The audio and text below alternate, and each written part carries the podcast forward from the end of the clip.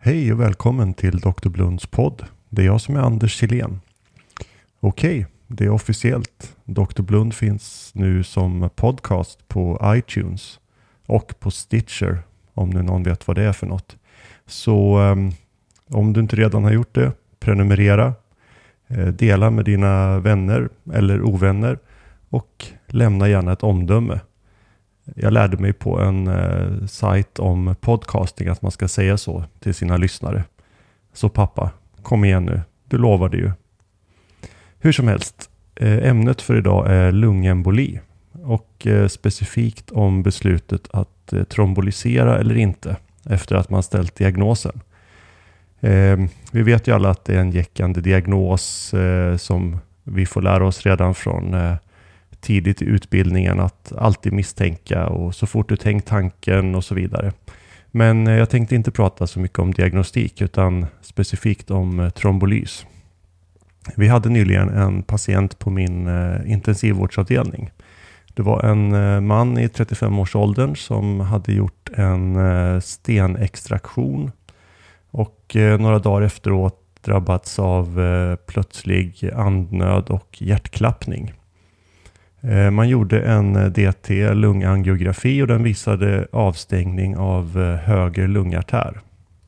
Förutom takykardi och lätt andnöd var patienten ganska opåverkad med normalt blodtryck och endast lite ökat syrgasbehov.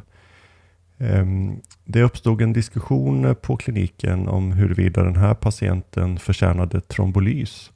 Eh, jag insåg att jag inte var helt uppdaterad så jag satte mig och gjorde en sökning.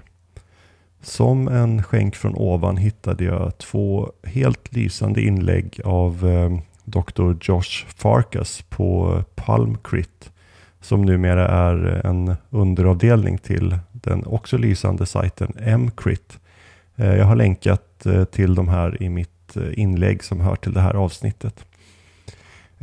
Så vad är det egentligen man vill åstadkomma när man behandlar en lungemboli? Jo, självklart, vi vill undvika att patienten dör av sin lungemboli. Samtidigt så vill vi inte bidra till att döda patienten med vår behandling. Och slutligen så vill vi minska risken för framtida men så mycket som möjligt. Eh, så den första frågan är, vad är det som dödar patienter som har akut lungemboli? Och svaret på det är i princip akut högerkammarsvikt. Eh, om eh, svikten blir för svår och leder till hjärtstopp så är det ofta mycket svårt att eh, reversera på grund av eh, det dåliga eh, koronarflödet till höger kammare framförallt. Så det vi måste åstadkomma är alltså att minska belastningen på högerkammaren Eh, innan det är för sent. Eh, den här akuta svikten beror förstås på det ökade trycket i arteria pulmonalis som orsakas av eh, lungembolin. Och man har visat att trombolys kan minska PA-trycket med 15 till 20 mm kvicksilver om man har en stor lungemboli. Och det är förstås signifikant och mycket betydelsefullt. Ehm, men trombolys har ju risker eh, och framförallt är risken då blödning, antingen eh, stor GI-blödning eller eh, intrakraniell blödning. Eh, och den här risken beror på flera olika faktorer. Dosen av eh, trombolysmedel, patientens ålder, blodtryck och en del andra riskfaktorer som till exempel tidigare stroke. Men man kan säga att en tidigare frisk patient som är under 65 år eh, har väldigt liten risk för eh, allvarlig blödning vid trombolys. Ehm, och eh, om man ger en reducerad dos av Alteplas, som är det vi pratar om, då är risken för intrakraniell blödning inte högre än vid en standard heparininfektion. Eh, och så den tredje frågan då, framtidsutsikterna, alltså risken för framtida men. Eh, och då finns det en del tidigare studier som har visat att trombolys av de här eh, eh st stora men inte massiva lungembolierna leder till minskad symptomatisk eh, pulmonell hypertension på lång sikt. Eh, och det var det som framfördes som skäl för trombolys för just den här patienten. Ehm, men eh, förra året eh, publicerades en stor uppföljningsstudie som visar att det är ingen skillnad i funktionell status efter två år mellan patienter som fått trombolys och som inte fått trombolys. Så då är frågan, vilka patienter ska trombolyseras? Eh, som alltid eh, måste man väga nytta mot risk. Och eh, det här är ju lätt om eh, patienten är helt opåverkad och man inte hittar några objektiva eh, tecken på högerkammarpåverkan. Då tromboliserar man förstås inte patienten. Eh, det är inte värt att ta risken för blödning för att trombolisera en sån patient. Ehm, det är också lätt att fatta beslut om patienten är uppenbart instabil och mer eller mindre håller på att dö mitt framför dig. Eh, då är indikationen för trombolys eh, stark.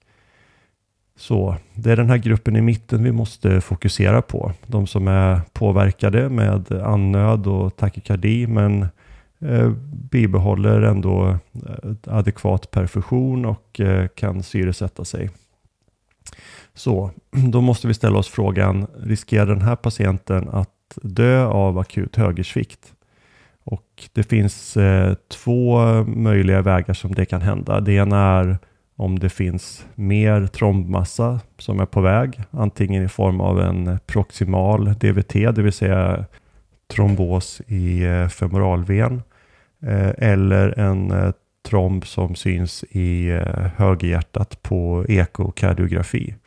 Den andra gruppen med stor risk för plötslig död är den där högerkammarpåverkan är så stor att eh, minsta lilla förändring kan leda till eh, akut hjärtstopp. Eh, de här patienterna kan vara kompenserade men ser ofta väldigt sjuka ut på grund av sitt stora katekolaminpåslag. Ehm, Ekokardiografi visar kraftig högerkammardilatation och dilatation av vena cava.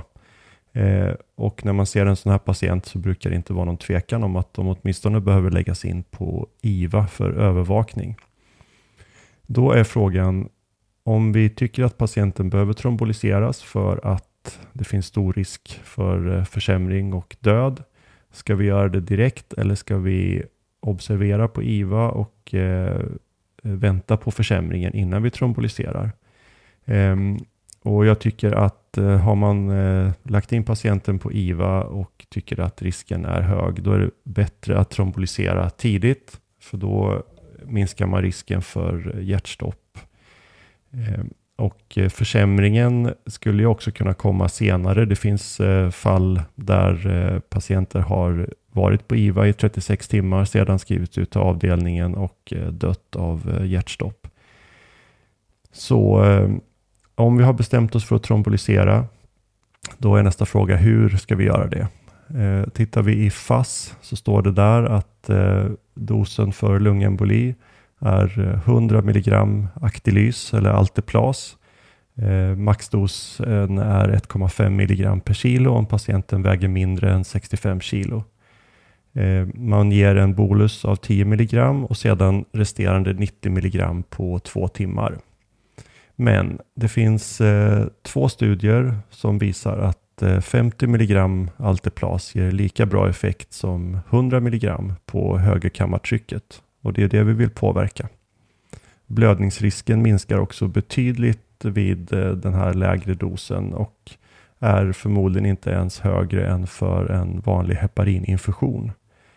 Ehm, är patienten eh, väldigt instabil så föreslår jag alltså att ge 50 milligram Actilys på två timmar.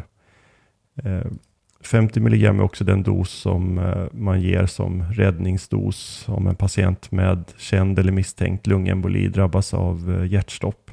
Men då ges det förstås på en gång. På senare år har det blivit modernt och coolt, det vill säga dyrt, att trombolisera patienter med eh, en kateter i lungartären som ofta då läggs in av en radiolog på eh, angiolab. Fördelen med det är att man då kan ge en mycket lägre dos. Eh, oftast ger man en långsam infusion av 1 milligram Alteplas per timme i 24 timmar. Det vill säga en fjärdedel av dosen som rekommenderas i FASS. Eh, och risken för blödning är då mycket lägre. Men frågan är om man verkligen behöver lägga in en kateter i lungartären. Eh, allt eh, venöst blod hamnar ju i lungartären ändå. Och det finns redan stöd för att man faktiskt kan ge samma dosschema av Actilys, det vill säga 1 mg per timme i 24 timmar i en perifer ven istället och ha lika bra effekt.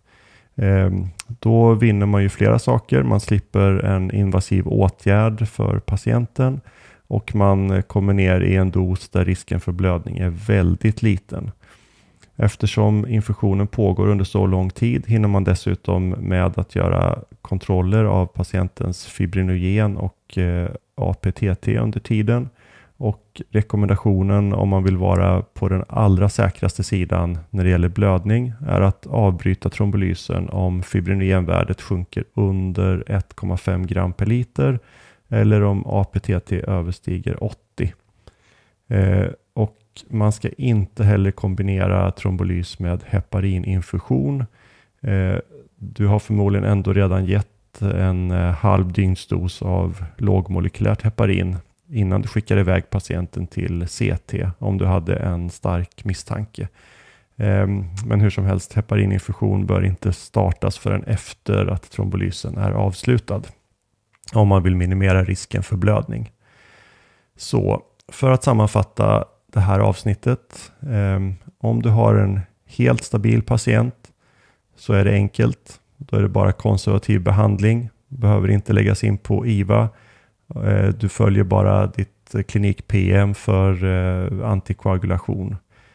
Oftast startar man ju med lågmolekylärt heparin och sen växlar man över till Varan eller någon av de här nya perorala antikoagulantia som finns. Om din patient är väldigt instabil, det vill säga mer eller mindre på gränsen till hjärtstillestånd, så är det också enkelt. Ge 50 mg Actilys på två timmar, eh, max 0,5 mg per kilo om eh, du har en lättviktspatient. Eh, gruppen i mitten som är den vi har koncentrerat oss mest på, det vill säga de med en stor verifierad lungemboli eh, och högerkammarpåverkan samt risk för eh, försämring i form av ytterligare embolier eller väldigt svår högerkammarpåverkan. De läggs in på IVA för övervakning och tromboliseras med 1 mg Actilys per timme i 24 timmar. Antingen perifert eller med en riktad kateter i eh, arteria pulmonalis. Det är i alla fall så som jag kommer göra i fortsättningen. Eh, vår patient eh, i verkligheten. Fick till slut ingen trombolys men klarade sig bra ändå. Och vi kan i alla fall trösta oss med att Eh, han inte kommer att få en sämre långtidsprognos eh, på grund av det här beslutet. Så det var allt för idag. Tack för att du lyssnar. Eh, om du gillar det här får du gärna lämna ett omdöme på iTunes. Det går också att följa Dr. Blund på Twitter och Facebook. Det här är Anders Silén. Hej då!